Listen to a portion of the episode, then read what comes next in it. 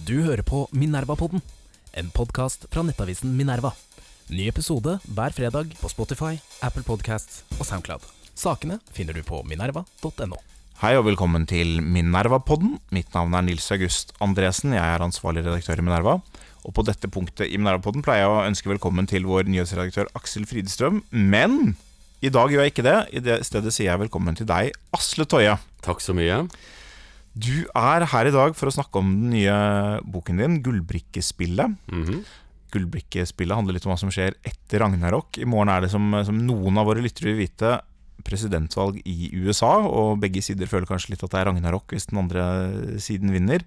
Og vi skal snakke litt om hva som skjer i verden etter Ragnarok, Asle.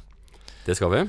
Kanskje du kan begynne med å fortelle litt om eh, hva, hva er det egentlig boken din handler om? Det er siste en trilogi på tre bøker. Hva er det du, er det du har villet si? Eh, Jeg skrev en bok i 2012 som heter 'Rødt, hvitt og blått', som handlet mening, Poenget med boka var ganske enkelt å bare ta temperaturen på demokrati i Europa. For alt i 2012 så så vi at eh, det var en ny brytning i, eh, i ordskiftet, og, og det var tydelig at politikerne og de de skulle representere, var, var, var i dårlig, eh, dårlig synkronitet. Eh, to år senere så fulgte jeg opp med mm, boka 'Jernburet'. Eh, Jernburet forsøker å, å, eh, å postulere, eller si, at dette det, Jeg anser det ikke for å være en økonomisk krise, eller, eh, eller en krise som kommer fra, fra innvandring, eller noe slikt. Eh, jeg anser, det, anser dette som har skjedd i løpet av 20-tenårene for å være en, en ideologisk krise, at det er liberalismens krise. At, uh, og i den boken Jern, skrev jeg om hvordan liberalismen hadde sluppet løs krefter som den selv ikke klarte å, å holde under kontroll. Så gikk det noen år før jeg, jeg forsøker å skrive disse bøkene. Målet mitt er å skrive noe som ville vært bra uansett hvilket språk det er skrevet på. Uh, jeg, jeg, det, er jo, det, er jo, det er jo husflid. ikke sant? Jeg jobber jo masse med hvert, eh, hvert enkelt kapittel. Gullbrikkespillet eh, Tittelen er eh, hentet fra Vålesbrå, som, eh, fra Vålesbå som, du, som du nevnte, og sikter til gullbrikkene som blir liggende igjen i gresset når, eh, når eh, gudene i hui og hast må reise seg for å utkjempe Ragnarok. Eh, og de blir da funnet etter at gudene er døde. Og Gullbrikkespillet eh, er et forsøk på å beskrive hvor vi er nå, på en sannferdig måte. Hva er det som har skjedd i løpet av det tiåret vi ligger bak oss? Eh, som ligger bak oss? Hva, eh, hva har endret seg? Eh, og kan vi vende tilbake til det som var? Eh, og i så fall eh, hvilke deler av, eh, av det gamle eh, er det mulig å resirkulere? Og hvilke endringer kan vi ikke gjøre noe med og bare, må bare forholde oss til? Noe jeg lurte på da jeg leste boken, det var, det var nettopp tittelen. Eh, hva, hva den ordentlig henspilte på. Eh, Ragnarok, har det skjedd? Og leter vi etter gullbrikkene, eller ligger Ragnarok foran oss? Og har vi, har vi noe å frykte? Vi er midt oppe i Ragnarok nå. Eh, nå er vi i den fasen hvor veldig mye endrer seg. Veldig eh, Gamle eliter faller, nye eliter kommer til, gamle institusjoner eh, eh, har, mis, mister oppslutning, nye kommer til. Eh, vi gjør ting ganske enkelt annerledes nå, eh, men denne fasen er vi enda ikke ferdig med. Eh, men det som er sikkert, er at til, på et eller annet tidspunkt så vil vi komme ut av denne turbulensen vi er inne i nå. Eh, og kanskje vi da som de gamle gudene vil komme tilbake til volden foran Valhall og finne de gullbrikkene som vi spilte med før det hele startet. Dette er jo ikke noe koseprat, Asle, så nå, nå skal vi begynne med de kritiske spørsmålene her. Kjør på. Du skriver i boken om, eh, om nettopp dette ragnarokket, kan du si. Da, ikke sant? Denne globaliseringsfasen som, vi, på en måte har pågått egentlig en god stund, men som akselererte på, på 2000-tallet og, og kanskje ble spesielt merkbart da, krisen i det etter, etter finanskrisen. Uh, at du skriver at det er eh, den største endringen i verdenshistorien, større enn den industrielle revolusjonen. Og så lurer jeg liksom litt på eh, Er det egentlig sånn? Og jeg, jeg lurer ekstra på det fordi jeg kjenner jo på en måte selv på at her er det, det er noe som skjer. Det er en endring, og i hvert fall liksom i vår levetid. Det, det endrer på et hele oppsettet etter andre verdenskrig, og et eller annet er i endring. Eh, samtidig, hvis du liksom prøver å zoome ut og prøver å være veldig nøktern, da, så er det sånn La oss si at Biden vinner valget i morgen, mm. og neste valg i Storbritannia så vinner en litt mer eurovennlig Labour-politiker, som Mm. nå ikke lenger liksom er på Corbyn-linja. Eh, og så roer ting seg litt ned. Er det hva, hva er endringen, og hva er krisen? Er det ikke litt sånn at alle tider opplever litt at de står midt oppi en krise, og akkurat nå endrer ting seg mye mer enn før? Kan, kan det bli litt nærsynt? Jeg, jeg, har veldig stor sympati for spørsmålet, fordi eh, finn et år eh, fra, den, fra, menneskehetens historie hvor vi har skriftlige kilder hvor det ikke var krise. Det er alltid krise. Eh, hva jeg forsøker å få fram, er at eh, den teknologiske revolusjonen eh, som, som vi kaller globalisering, har endret måten vi lever på, hvordan vi tenker, hvordan vi organiserer oss, mer enn noen tilsvarende bølge før. Den industrielle revolusjonen var et øyeblikk i menneskehetens historie. Gjorde masseproduksjon eh, og, og, storbyer Det gjorde veldig mye av den moderne verden mulig. Men eh, den globaliseringen som fulgte fra etter den kalde krigen, har, slik jeg ser det, endret eh, våre liv mye mer. Og jeg tror at vi ville ha mindre å si til våre, foreldre, til våre oldeforeldre enn en person som gjennomlevde den industrielle revolusjonen ville ha å si til sine eh, eh, oldeforeldre.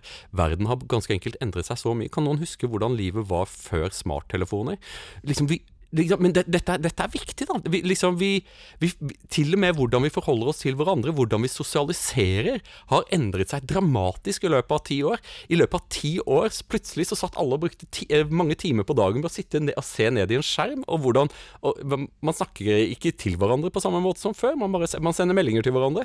Til og med når man er i samme rom. Nei, det, i, I går så satt jeg og tekstet med kona mi eh, om noen ting som vi ikke ville at ungene skulle skulle, skulle høre. Satt, satt, vi i hver vår ende av sofaen. Det, det, det, var jo ikke noe, det var ikke noe, det var ikke noe krangel eller noe sånt. Det var noe annet som måtte diskuteres, sånn som voksne må av og til. Eh, og vi satt bare og tekstet med hverandre istedenfor å snakke. Nå håper jeg ikke barna dine hører på Minerva-podden, eh, Asle. Naturligvis de gjør de det. Sigrid har nå fulgt tre, og, og da er det en Minerva-pod hver kveld.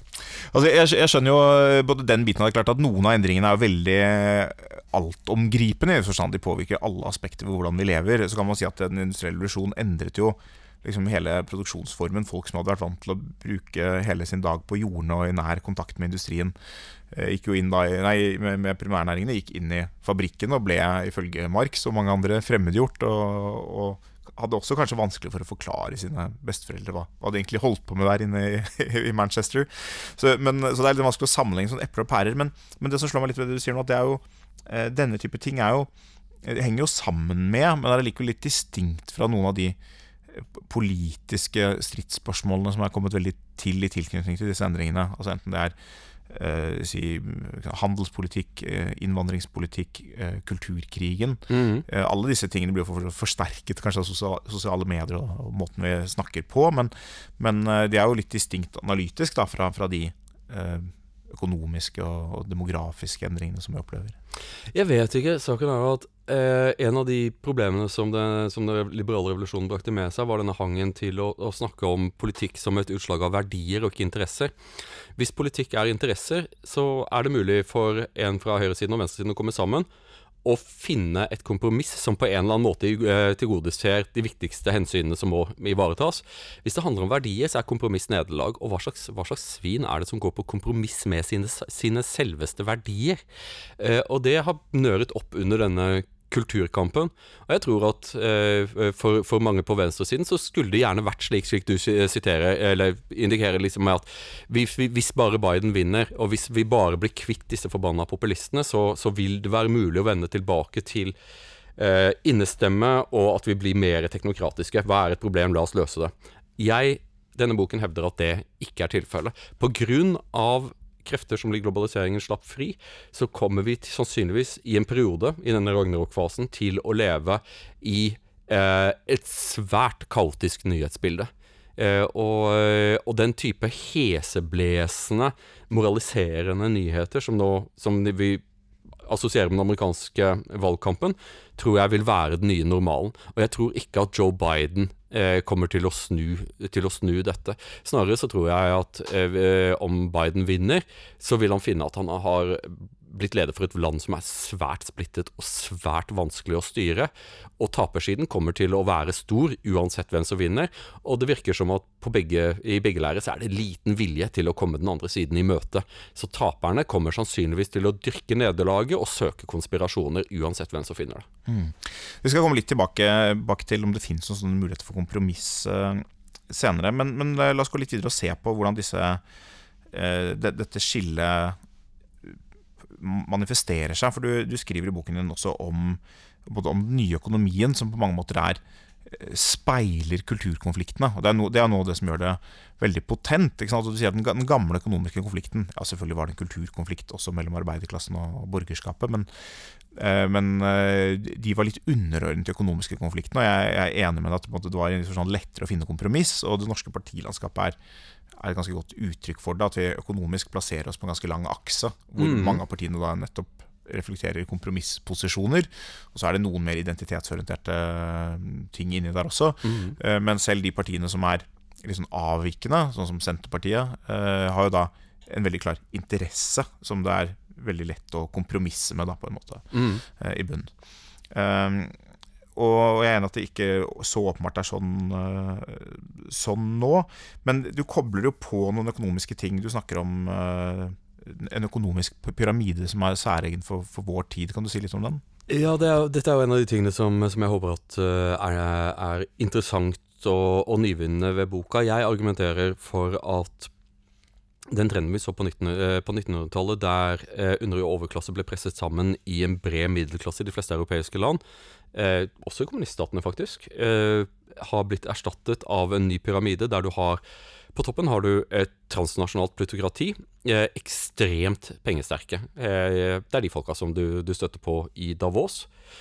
Eh, de er ikke spesielt knyttet til nasjonalstaten, men er ivrige på å ha en, ha en rolle i politikken, og ivrige på å få tilgang til politikken det har, man har alltid hatt eliter. Det som har gjort dette problematisk, er fordi at middelklassen har splittet seg i to. Her kjøper jeg helt ut David Goodharts analyse mellom Somewheres og Anywheres, de rotløse og de rotfestede middelklassen.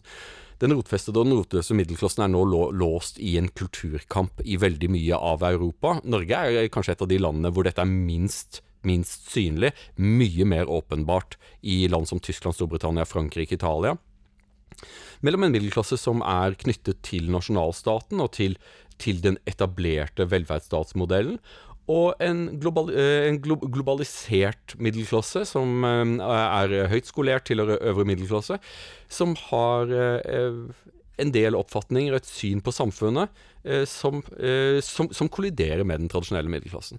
Igjen, dette ville kanskje også kunne, kunne gått greit, hadde det ikke vært for utviklingen i arbeiderklassen. Og, og, her ligger faren, den store faren jeg ser det. Middelklassen har splittet seg opp i en tradisjonell uh, arbeiderklasse, uh, som er regulert av, det, av, det, av, av, tariff og sentraliserte oppgjør. Har det ganske greit. så har du en, en stor gruppe med fremmedarbeidere Eh, som eh, driver med kontraktarbeid. Alle polakkene som, eh, som jobber i Norge. og man, man, har sine polakker i alle, i alle, land. En stor gruppe mennesker migrerer over grensene bare for, bare for å jobbe. de har ikke den samme tilgangen på, på velferdsstat og, og, og rettigheter. Og så har du eh, et prekariat. Og prekariatet eh, Jeg er veldig enig med Guy Standing, venstresidens store tanke, tenker om at prekariatet er den farlige klassen. Prekariatet er den utdannede middelklassens utdannede barn som tror, tror, seg å være middelklasse, mens lønnsposen deres tilsier helt åpenbart at de er arbeiderklasse. Eh, de, er, de, de, på, de må jobbe for de pengene som, som, som de, tjener. Har ikke faste jobber, driver med kontraktsarbeid, har ikke tilgang på utvidelsen av velferdsstaten fra 1900-tallet. De har ikke feriepenger, de har ikke sykepenger. De har ikke øh, øh, oppsigelsestid. Og problemet er at disse menneskene er ofte eh, skriveføre intelligente eh, mennesker som eh, kanskje med rette føler seg svindlet fordi at de ikke fikk det livet som foreldrene deres hadde, og føler vel på mange måter at samfunnskontrakten har, har gått, gått i, i, filler. Og disse menneskene i prekariatet, uansett hvilken gruppe som det er som knuser ruter i hovedstedene i Europa, om det er gule vester eller innvandringsmotstandere eller brexit-motstandere, you name it, Frontkjemperne er alltid fra prekariatet. Eh, og det er derfor Guy Standing kaller dem for den farlige klassen. Og denne kombinasjonen har gjort at eh, vi har, vi, hele vårt samfunn er institusjonalisert for å forholde seg til, eh, til en økonomisk modell og en måte å organisere samfunnet på, men i stillhet, i løpet av ganske kort tid, så har dette endret seg.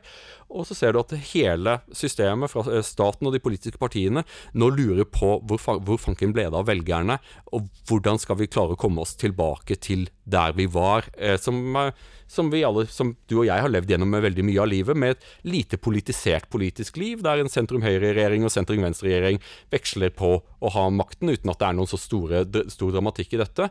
Eh, nå akkurat nå, 2020, så er politikken er dramatisk i nesten alle europeiske land. Uforutsigbarhet er det som preger den nye politiske virkeligheten. Jeg, jeg tenkte to eller tre ting da jeg, da jeg leste denne biten, Asle. Det ene er, det ene er mer en slags kommentar. Du kan, du kan jo respondere hvis du vil. Uh, det er at uh, mer enn bare en pyramide, så er det egentlig her snakk om to litt uh, separate alliansesystemer uh, med hvert sitt hierarki. Hvor du har, på den ene siden har du en global elite. Under dem har du en kosmopolitisk middelklasse, anywheres. Og under dem har du en viss forstand innvandret underklasse som i noen spørsmål uh, vil lande på samme politiske konklusjoner. Uh, selvfølgelig har de helt ulike økonomiske interesser, men, men, i noen av disse stridsspørsmålene har de det. På den andre siden har du da en prekariat, spesielt da den delen av det som, som sogner mot høyrepopulismen. Du har en rotfestet middelklasse. Og på toppen der har du noen russiske oligarker som, som ikke er i Davos.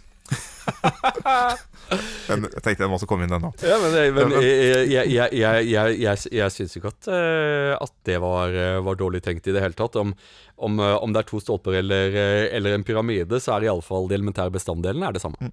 Men det, det, minner meg jo litt på om da, de, de, gamle tider hvor kongen typisk allierte seg med, med, med, med folket mot adelen. Og, du, får, du får nye typer konstellasjoner som nettopp fjerner den økonomiske dimensjonen fra den sentrale plassen den burde hatt. i en forstand i politikken. Ja, men ikke sant, for Tenk tilbake at Ordet populist har vi jo fra, eh, fra Roma, fra Gracchi-brødrene som dannet Populare-fraksjonen, der, der, de allierte seg med de, eh, med de, med de jordløse borgerne, altså de, de fattigste i det romerske imperiet. Eh, og dette er jo det som Trump også har gjort.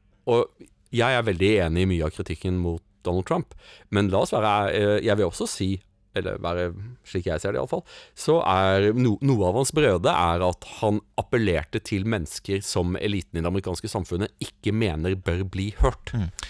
La oss gå videre inn på det, for da, da nærmer vi oss litt sånn hva, hva, hva, betyr dette, og se litt på forskjellen mellom land. Eh, Aksel Fridsum skrev jo en, eh, hos oss da liksom konservative argumentene mot de konservative mot Trump. Eh, og der sier han, litt som du sa nå, egentlig, sånn at en, under Trump så ligger det en problembeskrivelse, i hvert fall hvis man leser ham velvillig, som eh, i en amerikansk kontekst har mye for seg. Både i at det er reelle problemer, og i at det, det tar ut noen problemer som i ganske stor grad eh, har blitt ignorert i begge de politiske partiene. Man kunne kanskje i noen grad si faktisk spesielt det republikanske partiet. Derfor fikk han så Eh, spesielt stort gjennomslag i den republikanske eh, primary-valgkampen.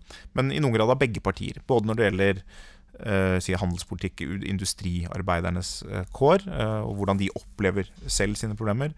Eh, på innvandringsspørsmålet og på en del andre spørsmål. Også utenrikspolitiske spørsmål.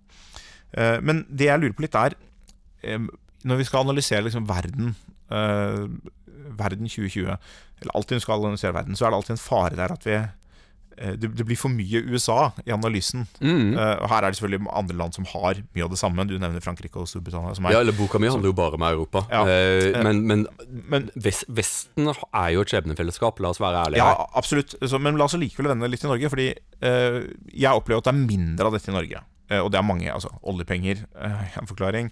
Måten flerpartisystemet fungerer på, er en annen forklaring. Noen av disse altså Noen av disse synspunktene har jo vært representert i det politiske landskapet, som gjør at man har ikke vært like stemmeløs da, som man kanskje har opplevd at man har vært i, i USA. Eh, men til syvende og sist så handler det også litt om man klarer å finne politiske løsninger på noen av disse spørsmålene. Fordi det som eh, Aksel påpeker i sin artikkel, argumentene mot Trump, er at eh, det å på en måte si Frihandel har skapt noen problemer for arbeiderklassen i USA. Mm. Eh, militære intensjoner har, skapt, uh, har vært dyre og unødvendige og har ikke satt amerikanske interesser først. Eh, og innvandring har, har også sånn, svekket nasjonen og den nasjonale tror, sammenhengskraften og, og, ført til økonomiske utføringer. Det å si de tingene, det løser jo ikke noe. Man må på en måte forstå i detalj i en viss forstand hvorfor de ikke har blitt løst. Og man må foreslå løsninger som, som bedrer situasjonen. Og det, det, Jeg har alltid vokst opp med å, å, tenke at en av venstresidens store problemer er at hver gang man opplever at det er noe som er galt og urettferdig, så, så antar man på at det må ligge en eller annen ond vilje bak. Og det, det manifesterer seg veldig i, i, eh, til ungdommen. Eh, finne seg sult og nød skyldes det svik. Ja. Mens jeg tenker at den konservative tilnærmingen er finne seg sult og nød, så skyldes det normalt eh, en veldig kompleks situasjon med veldig mange ulike parametere, og forsøk på å gjøre noe med dem kan føre til at nye problemer dukker opp et annet sted osv. Så, videre. så noen av disse tingene skyldes jo det du Ok, nå... men, men la, la, la meg komme tilbake på den, da. Ok. Uh, ikke sant. Det var tilnærmet en etablert sannhet blant, eh, blant akademikere og The Economist eh, og alle kloke liberale mennesker om at innvandring og lønnsdannelse har ingenting med hverandre å gjøre. Eh, masse ble skrevet om det. Men det, åpen, det, er, det, liksom, det er like åpenbart som sammenhengen mellom røyking og kreft. Og det at reallønningene for den amerikanske arbeiderklassen har økt under Trump på en måte som det den ikke har skjedd under veldig mange foregående presidenter, har å gjøre med at han har fått kontroll med innvandringen, pga. at man da ikke har et innsig som hele tiden river bunnen ut av, eh, av lønnsdannelsen. Og så er det jo sånn at for eh, for, eh, for, velmenende liberalere så kan det virke som en jækla liten ting. Det er jaså, så hyggelig for deg, du tjener 1000 kroner mer i, i, i måneden. Men ikke sant, altså, jeg, var, jeg var så heldig at Thomas Seltzer gadd å, å, skrive en, en anbefaling bakpå bak, bak på boka. Dette er noe som Thomas og jeg har diskutert mye. Og vi har veldig mye av det samme synet på USA. Jeg vet ikke, Har du sett noe av Thomas Ja, ja, sine, sine bre- reisebrev fra Amerika? mm. Det er hvordan det står til i Amerika, og det er også mitt inntrykk. Og, de, og der, derfor har jeg også vært mindre fordømmende mot Trump enn det mange har vært, av at jeg anser for så mange amerikanere så var Obama-årene helt, helt forferdelige. Og jeg kan forstå at mange synes at, at vi skal at, at, å sitte og juble over at tonen er så god og så messiansk, og vi har fått liksom en, en prest til president som kan snakke, snakke så malmfullt om allting som er viktig her i verden. Hvis det er ditt lokalmiljø som blir ødelagt i opiater, og du mister jobben og på og, og, og kjenner eh, og opplever at du er i ferd med å sosialt deklasseres, så er det, en, eh, er det egentlig ikke noe trøst. Nei, altså, det, det er jeg enig i. Skal, jeg skal ikke gjøre dette til en lang diskusjon om Obama versus Trump. Bare for å avslutte helt kort. Så, så, så, Aksels poeng der var vel at altså, på en del av disse parameterne så, så har Trump på ikke egentlig ordentlig lykkes. Altså Innvandringen har ikke gått så mye ned. Altså, det er riktig at arbeidsklasselønningen har økt, og så, så er det på en diskusjon Er det egentlig en fortsettelse av Obama-økonomien eller noe nytt. Og det, den, den diskusjonen får, vi ikke tatt her. Uh, men liksom litt det samme også på, på handelspolitikken. At handelsunderskuddet i USA har faktisk økt under Trump uh, fordi eh, ikke fordi det ikke er riktig at Kina driver med valutamanipulasjon, og at vi på en eller annen måte må finne ut hvordan vi håndterer det, men fordi, fordi det er vanskelig å håndtere det, og handelskriger er ikke enkle og billige å vinne. Og spesielt ikke når man har gitt bort den alliansen man hadde i Asia med, med TPP, og samtidig føre handelskrig mot, USA, mot Europa, som gjør at man mister allierte der. Så det er, det er mer det som på det er at han ikke har lykkes så godt, er aksjepoeng. Men jeg, er enig i det du sa, at det ligger en, det ligger en ideologisk komponent under her. Altså det, er ikke, det er ikke bare at det er vanskelige problemer å løse, det er også at man har tatt, eh, har tatt feil i noen tilfeller, eh, og kanskje av ideologiske årsaker. Og så, så Men- vi, her er det jo to kjempeviktige trender i amerikansk, eh, i amerikansk utenrikspolitikk og selvbilde.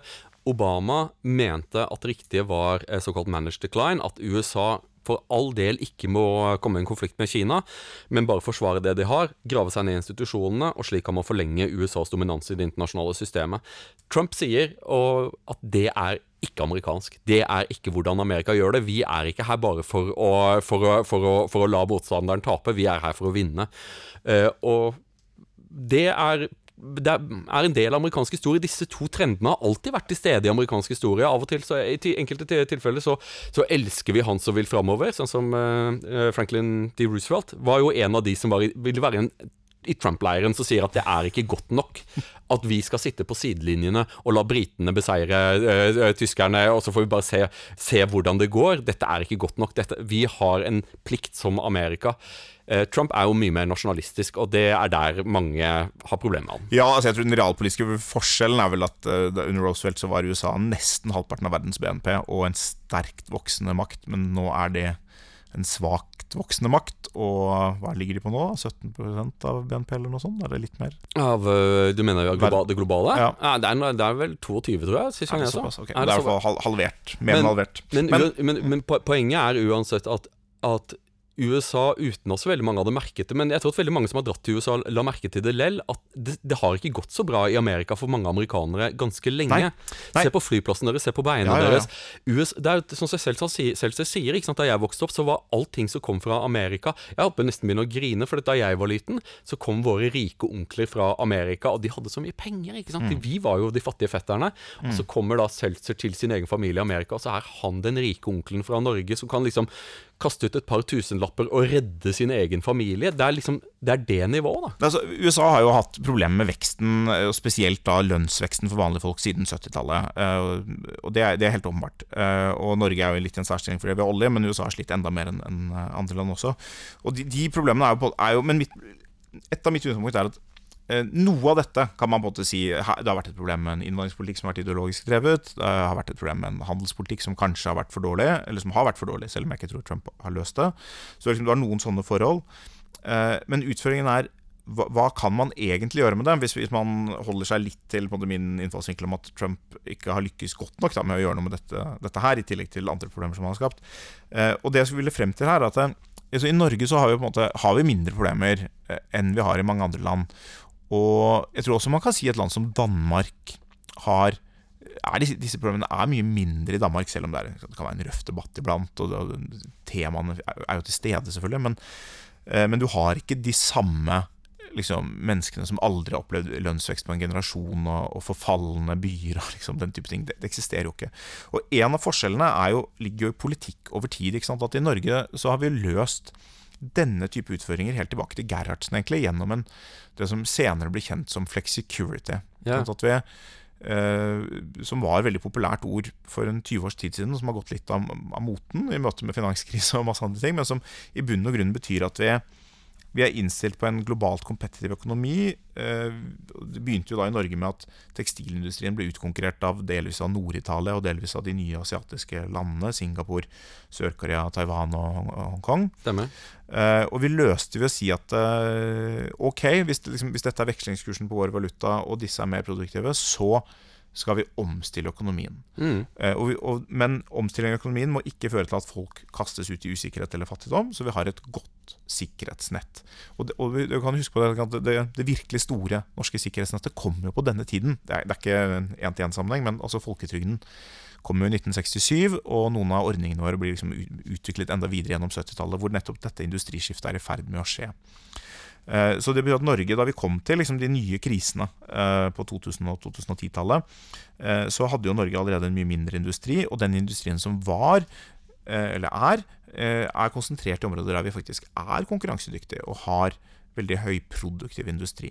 Og, liksom, og hele dette systemet for Har du sett handel, handelsbalansen vår? Det, er- det er at er, Norge dette er så umulig land pga. petroleum, hvis du ser på handelsbalansen. Norge er, Norge er et ut, Danmark er eksempelet, tenker jeg. Ja, ja.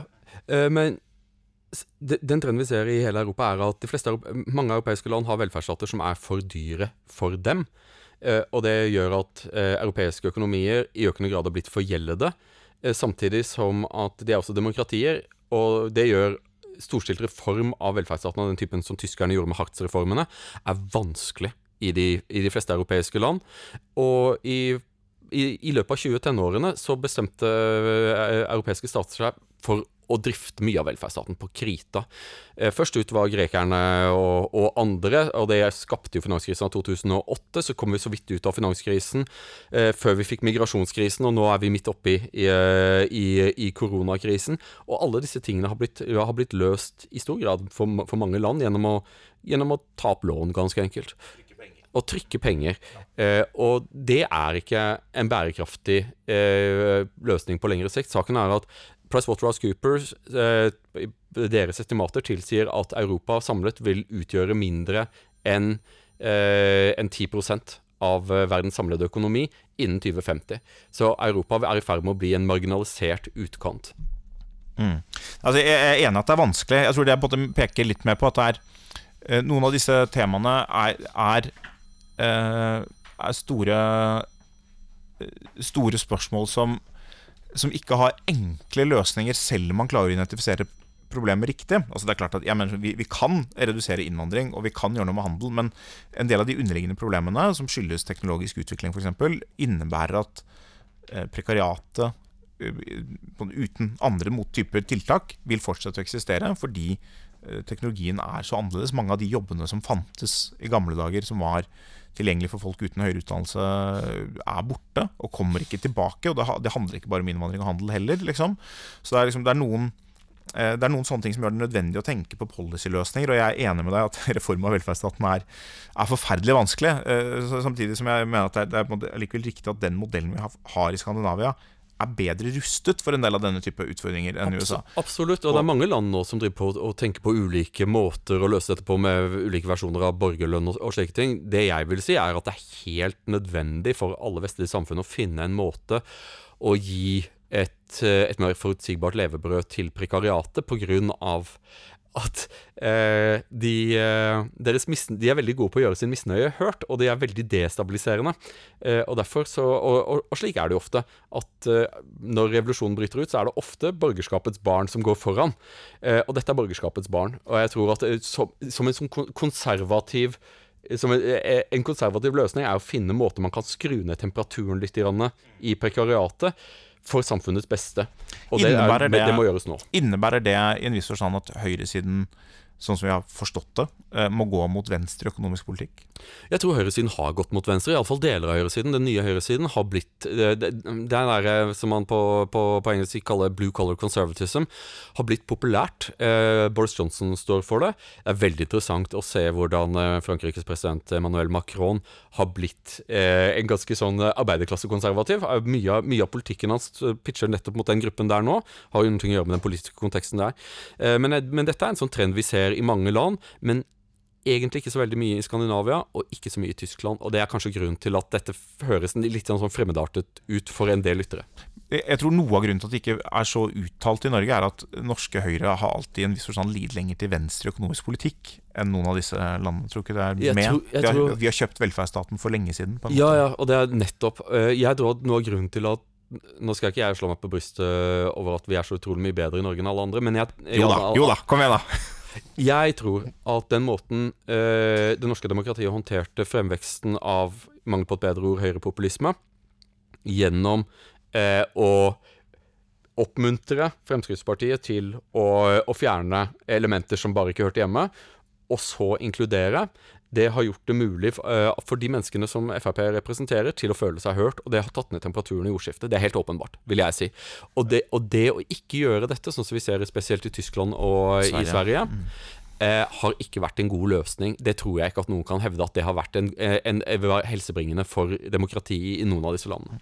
For å trekke inn, eh, inn, inn Minerva også, det syns jeg er viktig å, å, gjøre når man kan. Vi må kan. alltid trekke inn Minerva. Ja. Eh, nei, jeg tror en, eh, det har jo vært en strid på høyresiden i Norge. I forstand, altså ikke, ikke, bare dette knyttet til innvandring og populisme, men det, på en måte er man, hvor langt til høyre er man, eller hvor liberalistisk er man i økonomisk politikk. Det er jo en strid som går tilbake i hele etterkrigstiden.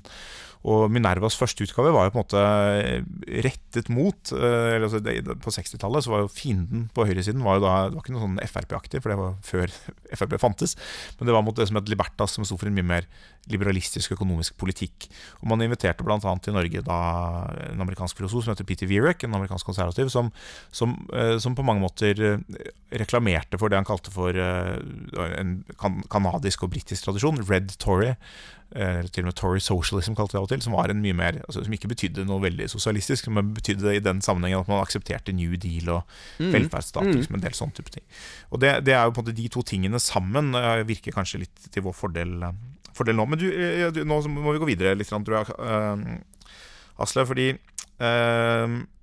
du, du, snakket om Tyskland, og jeg synes noe, noe, av det interessante du skriver om Tyskland i boken, handler om hvordan vi forstår fortiden vår. Eh, det er jo noe av det som ligger under disse kulturkrigene. Nå vender vi oss litt bort fra det rent økonomiske. Eh, du skriver om at Tyskland fikk et bilde av seg selv som en tetanation Mm -hmm. En, en, eh, en overgrepsnasjon. overgrepsnasjon. Ja. En utøvernasjon. Ja, overgrepsnasjon er det bedre. Um, og det er knyttet til annen verdenskrig. At man tok på sånn skyldselvbilde som i dag ikke fungerer så godt. Eh. Nei, jeg, jeg, kom til å tenke på dette da jeg leste biografien til Arnold Schwarzenegger. Har du lest den? Den har jeg ikke lest. Den heter Total Recall. eh, og eh, man, kan med, man, kan hoppe over deler av den biografien, men første kapittel er veldig interessant. På grunn av at Der påpeker han noen ting som er veldig viktig for å forstå det moderne Tyskland, og det var at eh, etter at de hadde tapt krigen, så kom de allierte og sa og hentet inn alle fotoalbumer. Alle, alle minner av Det tredje riket skulle leveres inn. Du fikk ikke lov til å beholde det. Ingen plakater, ikke, til og med private fotoalbum. Og det skapte en taushetskultur i Tyskland. Krigen skulle ikke snakkes om. Eh, nå, nå, var vi ferdig med nazismen. Det førte jo da til barnegenerasjonen som ble sjokkerte da de så hva nazistene hadde gjort, og så opplevde de at dette ikke hadde blitt diskutert i det hele tatt. Og de så at mennesker som hadde vært høyt oppe i naziregimet, var høyt oppe i staten, eller i det vesttyske regimet. Og det førte til eh, denne fokuset på en teternasjon var akademikere som begynte å spørre hva var det med Tyskland som fikk oss til å gjøre dette. Var det noe spesielt med oss? Kunne dette skjedd med hvem som helst ellers? Eh, og eh, blant da akademia og de intellektuelle så var det mange som falt på denne at tyskere er spesielt onde. Vi er spesielt onde som tyskere, og at vi må hele tiden vokte oss selv. Og liksom Du må stå og se deg selv i speilet hele tiden, for du kan finne på å marsjere og invadere Polen når som helst. Eh, og det bildet er det, er det, som den nye høyresiden i Tyskland gjør opprør mot. Uh, og vi har fått en hel haug med veldig veldig utrivelige debatter som følge av det. Mm.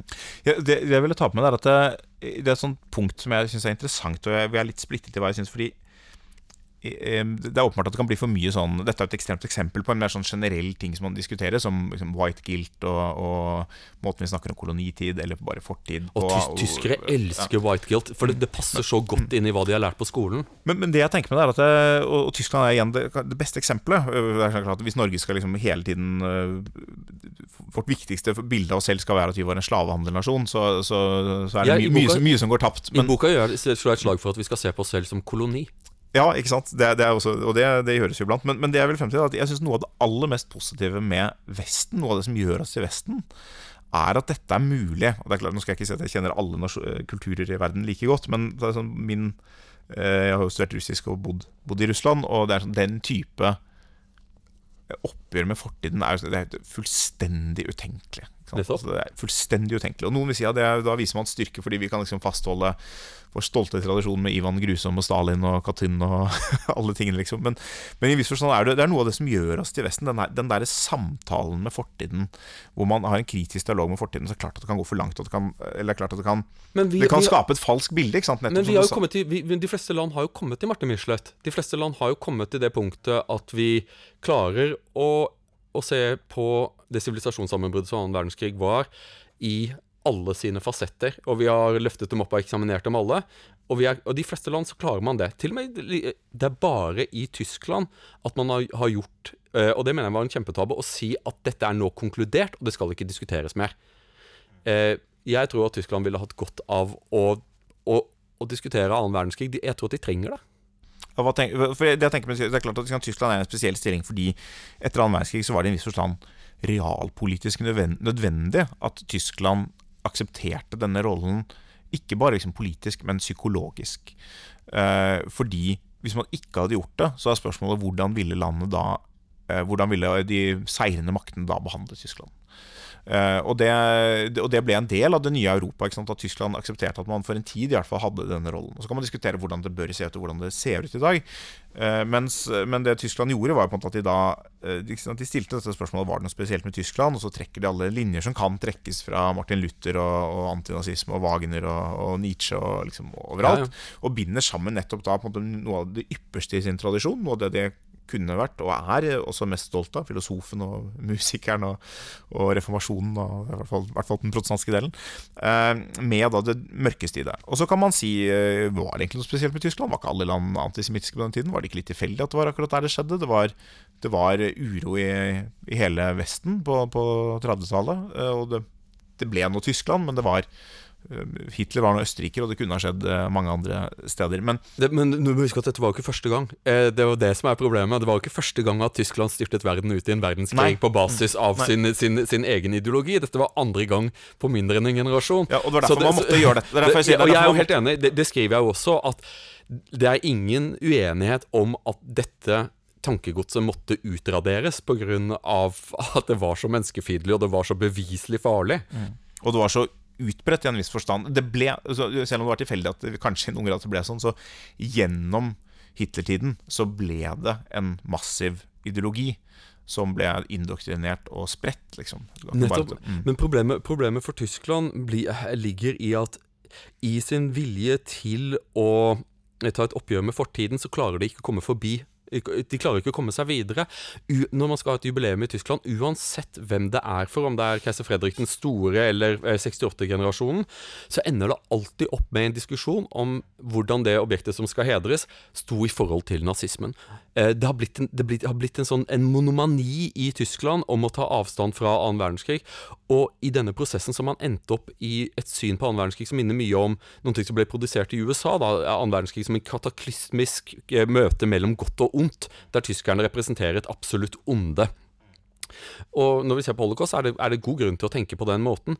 Problemet var at eh, i dette oppgjøret så tok man avstand fra veldig mye av tysk kultur. Allting som hadde skjedd før, eh, før også. Liksom man kastet ut barn og badevann og, og hele greia, og så skulle man starte på nytt og være bedre tyskere.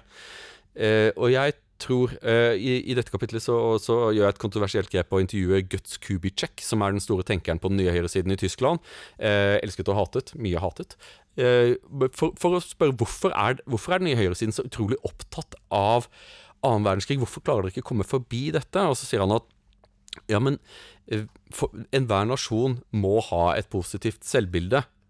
Og vi har mye å være stolt av i Tyskland. Vi kan ikke la annen verdenskrig liksom være, være det som eneste som vi kan assosiere med tysk kultur. Og vi må slutte å gå rundt og be om unnskyldning hele tiden. Krigen var lenge siden. Men du, sier, du, du sa i sted altså at Tyskland må begynne å diskutere krigen. De vil ha godt av å snakke mer om krigen. Men kunne man ikke egentlig si litt, og det er jo det da også vil, men kunne man ikke egentlig si litt motsatt at Tyskland burde snakke om alt annet enn krigen? Altså De burde kunne snakke normalt om eh, Martin Luther og Goethe og Nietzsche uten å snakke om krigen. Det ville vært veldig fint, men, det, men det, slik det har vist seg, er, er har, krigen har blitt eh, er, Men, men hva er det du vil de i- skal i- i- diskutere med krigen? Hva, er det, hva er det der Jeg- som jeg- jeg er, tror- skal nyanseres, eller? Jeg tror altså eh, at på en eller annen måte så må krigen bilegges. Tyskland, eh, Angela Merkel har sagt at Tyskland må finne til rette med seg selv, og det er det jeg mener. Jeg er helt enig med Angela Merkel. Tyskland må finne til rette med seg selv. Eh, fordi det, på, på 50-tallet så var det en sånn slags forståelse om at hvis du var, eh, hvis du var i Wehrmacht, så var det greit. Eh, da hadde du bare blitt kommandert ut, ingenting å være i skjemmes over. Hadde du vært i SS, så var det noe annet. Det var liksom der den lå på 50-tallet. Mens over tid så har det blitt mer sånn at eh, pga. utstillinger og, og andre ting, så, så alle som kjempet for Tyskland, var onde. Problemet var at nesten alle som kunne kjempe, kjempet. Det var den type krig. Eh, dette er familiehistorien til, eh, til alle tyskere, og samtidig som at de, aller, de fleste tyskere lever jo i ruinene av det som skjedde. Aldri Nå får korrigere meg. Jeg kan ikke komme på et eneste eksempel hvor et moderne land har lidd et til, tilsvarende smadrende nederlag som det Tyskland gjorde. Dette er verre enn det Japan opplevde. Japan Ja, mistet en del ikke noe byer. tilsvarende i Det moderne finnes ikke- nei, ikke sant? I- moderne Eh, land. Mm. og så drar jeg til Magdeburg. ikke sant? Eh, Magdeburg er en by som de fleste europeere, eller nordmenn, assosierer lite med. Jeg vokste, opp, eh, i en, jeg vokste opp i en protestantisk kontekst, så jeg trodde jo at Magdeburg var Tysklands hovedstad, eh, i alle fall til jeg var eh, noen år gammel. Eh, og så finner jeg ut at Magdeburg er en liten og uglesett det by, by i Tyskland. Og det har mye å gjøre med at Magdeburg ble terrorbomba i 44 og ble fullstendig lagt øde og bygd opp av østtyskere. Så det er en veldig, tys det er en veldig stygg by. Uh, og det er en by med et forferdelig dårlig selvbilde også. Og det er noe sånn trist å se, for Magdeburg var en veldig viktig by i Tyskland, dronningen ved Elben. Uh, og i dag så er det, en, er, det en, er det en utkant som er ganske sånn trist å besøke også. Og det, jeg snakker med folk som, som forsøker å, liksom, å få, liksom, få litt ha liv i byen, men det er få mennesker som er noe særlig interessert i å, i å bære vann for Magdeburg. De bor der bare tilfeldigvis, liksom. Så ja, nå skal vi, vi skal gå inn uh, for landing snart. Vi- Da tenkte jeg vi skal gå litt tilbake til gullbrikkene. Men for å ta tråden videre herfra fordi altså Dette med å ha et positivt selvbilde altså I en, i en viss forstand så er det, det er en psykologisk nødvendighet for å, for å klare å være innrømme feil og for å klare å produsere noe, egentlig. Så, så er det Eller å være et samfunnsgagnlig medlem av et, av et kollektiv, og det Ja. gjelder både nasjonalstater og individer. Jeg ja, tror at det, det er bra å ha et positivt selvbilde. Ja, altså jeg er enig. Så det, det, det er positivt å ha et uh, Man bør ha et positivt selvbilde. Så er spørsmålet litt sånn Hva er det hva er det vi legger i det, hvordan er det vi går frem for å gjøre det? For det- Mitt inntrykk av og til er at liksom, vi har denne diskusjonen sånn, vi må elske vårt land, og det er sånn Trumps retorikk er veldig sånn Man får veldig inntrykk av de som stemmer på Nå ham begynner det er jeg å frykte at du skal si at du ikke elsker Norge. Er, Nei, nei, det skal si at man sier, sånn- man, man, man, men man bruker det politisk, og det gjør nok den tyske høyresiden også litt, tror jeg. At man sier, eller den tyske, denne, denne fløyen. At man sier de som er enige med oss, de elsker sitt land, og de andre, de gjør det ikke. Og det man fort ender opp med, er at man elsker jo da ikke hele sitt land, på en måte. Altså Sarah Palins kommentar Ja. om The Real America, at hun elsker jo ikke egentlig Hun elsker jo ikke disse liberale elitekystene og og deres institusjoner, inkludert amerikanske universitetene. og Der har du kulturkampen igjen, ikke sant? Ikke sant? Eh, og, og det er litt av det jeg mener både med eh, altså Det er et sånt dilemma når du har fått et sånt skisma. Eh, og, og, samme med Tyskland. Ikke sant? Noe av det man kunne elske med Tyskland, var at man klarte å ta dette oppgjøret med nazismen på en, på en helt unik måte som ikke noe annet land har klart. Og det, er, det, kunne være, det kunne også være en kilde til stolthet. Det betyr ikke at man ikke skal, også skal på en måte, Jeg er enig at man, man må på en eller annen måte komme, come to terms med, med, med den delen av historien. Og, og det er klart at for, ordens skyld, det er klart at man kunne sagt mye om liksom, opptakten i annen verdenskrig som, som ikke handler om nazisme og jøder, men som kan handle om Versailles-freden og økonomi og, og grensedragningen etter 1919 og liksom alle disse tingene. Det er masse sånne ting Man man kunne sagt. man kunne gjort mange ting, men ta, ta, la, la meg gi deg to eksempler på hva jeg mener. da eh, et fra Danmark, et fra Finland. Begge disse landene så, så Dialogen omkring annen verdenskrig pågår i de fleste land. I Danmark så lagde man nettopp en film som het 9. april, som jeg syns var en utrolig sjarmerende den- Det er en helteskildring om de danske de danske soldatenes kamp for Danmark 9. april, som jo pågikk i noe sånt som 23 minutter. Jeg tror det var én som falt av sykkelen og brakk beinet. Eh, men en fantastisk heltmodig Men det, dette er nasjonsbygging. Dette er en måte for danskene å forløse dette traumet som 9. Som, eh, eh, kjempingen ja, her. er. Ja. Eh, og i Finland så har de lagd de den fantastiske eposet 'Ukjent soldat'. Like traumatisk for, for Finland. Mistet en stor bit av landet deres. De kjempet i tyske uniformer med nazistene. Og så lager de dette fantastiske denne fantastiske filmen, som er utrolig rik og mangfasettert, eh, og som på en eller annen måte bilegger det hele. Tar det liksom ut av den der sfæren altså, av eh, godt mot ondt og sånne ting. Det var som det var, og slik var det. Og jeg skulle ønske Jeg tror Tyskland ville hatt godt av å fortelle historier der deres soldater ikke er the bad guys hele tiden. Eh, og det så, så tysk i en fase nå så har det vært sånn at tyskerne skal være verre enn alle andre. Da jeg arbeidet ved den norske ambassaden i, i Berlin 2000-2001, da hadde Norge besluttet å slutte å nevne annen verdenskrig i alle offisielle taler. Det var vår policy at vi alltid minnet tyskerne på at de hadde okkupert oss. Og vi pleide å si noe sånn som at det er godt at vi er så gode venner nå. Det har jo ikke alltid vært slik. Altså hint, hint. Og det, men vi sluttet å gjøre det. Norge og Nederland var de siste som gjorde det. Eh, Nå kan man ikke si det, denne saken fra Stavanger universitetet der. Nei, nei, Don't nei. mention the war. Men, men, men tyskerne de nevner det hele tiden, eh, og det har blitt sånn slitsomt. Og, og, og i Nato-sammenheng så har, jo, har jo tyskerne også blitt bedt om å slutte å tyte om denne krigen. Det var lenge siden, kan dere være så snille å bare bidra til Nato? Vi trenger ikke deres forklaringer for hvorfor dere ikke kan gjøre alt mulig av at dere er så traumatisert. Dere må bli en normalt land igjen. Og det er det Jeg tror at historien i all sin skjønnhet i all sin gru er en måte å, for oss å tilgi oss selv. Eh, Vi, alle, alle nasjoner har opplevd forsmeligheter og også utøvd dem. Eh, og det å hele tiden eksaminere dette, sånn som den fantastiske debatten vi har hatt eh, med, om, om hjemmefronten, det er hvordan vi gjør det. Men slik har det ikke pågått i Tyskland. Og slik er det å finne tilbake til historien. Jeg er av den oppfatning, jeg er den type konservativ som tror at Stabilitet er bra for samfunnet. Jeg tror at vi er bundet sammen av bånd. Eh, Bånd til familie, bånd til, bånd til bygd, bånd til til våre kirkesamfunn og til, våre, til, våre, til våre politiske partier. Og alle disse båndene er gode i det at det binder oss på plass og binder oss til hverandre. Eh, Jeg tror at den store oppløsningen av bånd som har, led- har, kommet nå, hvor stadig færre går i kirken, hvor den tradisjonelle kjernefamilien er, er, på bykende front, i alle fall i, i underklassen eller arbeiderklassen hvor eh, man sluttet med nasjonsbygging i de fleste land, og så tenkte, tenkte at hver, det får være opp til hver enkelt å finne sin egen mening. Det viser seg at det er ikke godt nok. Og det er eh, Jeg tror at vi trenger nasjonsbygging, og, og, og nasjonsbygging må ta utgangspunkt i et positivt selvbilde. Men naturligvis er jeg ikke tilhenger av den type manipulasjon som Guts Kubicek og andre driver med. Hadde en sånn morsom avslutning på møtet med han. Hadde, et, eh, hadde en fantastisk samtale. Han er meget intelligent. La la det være helt klart, han er meget intelligent. Eh, og så til slutt så spør jeg har du gitt ut noen bøker, og så har han gitt ut en nylig, han har et forlag, og så har han gitt ut en bok om 9. april. Og så, begynner jeg å lese i den, og så, og så ser jeg Men dette, dette ser veldig for meg ut som en helteskildring av en svært vellykket okkupasjon. Jo, det var, det var jo det. Og så sier jeg, ja, som nordmann så må jeg si at eh, vi oppfattet det ikke på den måten i det hele tatt. Vi oppfattet det som et overfall på en fredeligsinnet nasjon mot alle regler og alle garantier. Det, og de, den volden dere utførte mot, eh, mot vårt land, var så visst ikke heroisk sett fra vårt perspektiv. Og det er problemet med den nye høyresiden i Tyskland. Du skal ikke tro at konservative er like i alle land. Så, så du og jeg Eh, vi er uenige om en del ting, men vi har også vært i utlandet sammen. Og det tok ikke veldig lang tid da vi møtte spanske konservative, Neida. der vi sto skulder til skulder og var enige om den er- Det er mange nordmenn som ikke har fått gleden av å se.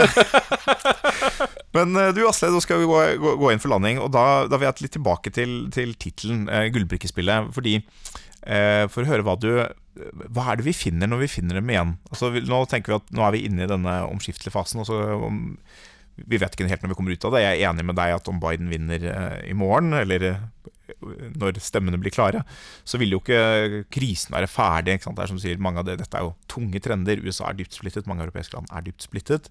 Og det vil i aller beste fall ta tid å liksom finne ut av det. Jeg er kanskje litt mer håpfull på at, om at policy kan bidra til å redusere noen av disse spenningene. og deverdifisere dem på en måte litt, og, Mm. og sånn, men, men det er ikke gitt at det går sånn. Eh, Men når vi er ute av det, hva, hva er det vi finner når vi finner disse gullbrikkene? Vi kommer til å følge med finne mange ruiner. Eh, med ruiner eh, av, av bygninger som, eh, som ble bygget eh, av bedre mennesker enn en oss. Forhåpentligvis. Det, Hva, det, hva kan vi bruke? Det vi kan bruke, er fortiden vår. Eh, gull, gullbrikkene i dette bildet representerer de, de, de fremste bragdene som våre forgjengere har, har gjort. Om det, om det, det er allting fra musikk til litteratur til diktning og, og, og arkitektur, institusjoner.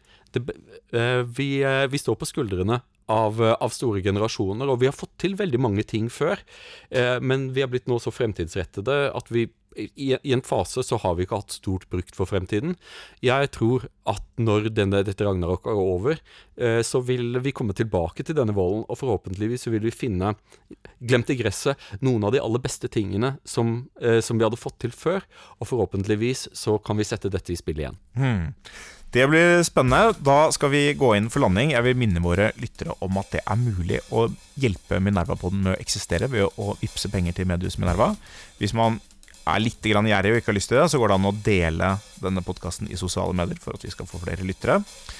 I morgen er det valg i USA. Da vil det bli eh, ragnarok den ene eller den annen vei. Og da er det greit å huske på at det fins ting der fra fortiden som vi kan ta med oss inn i den nye tiden. Og prøve å spille spillet fra begynnelsen en gang til med. Asle Toje, tusen takk for at du kom hit. Takk. Ha det godt.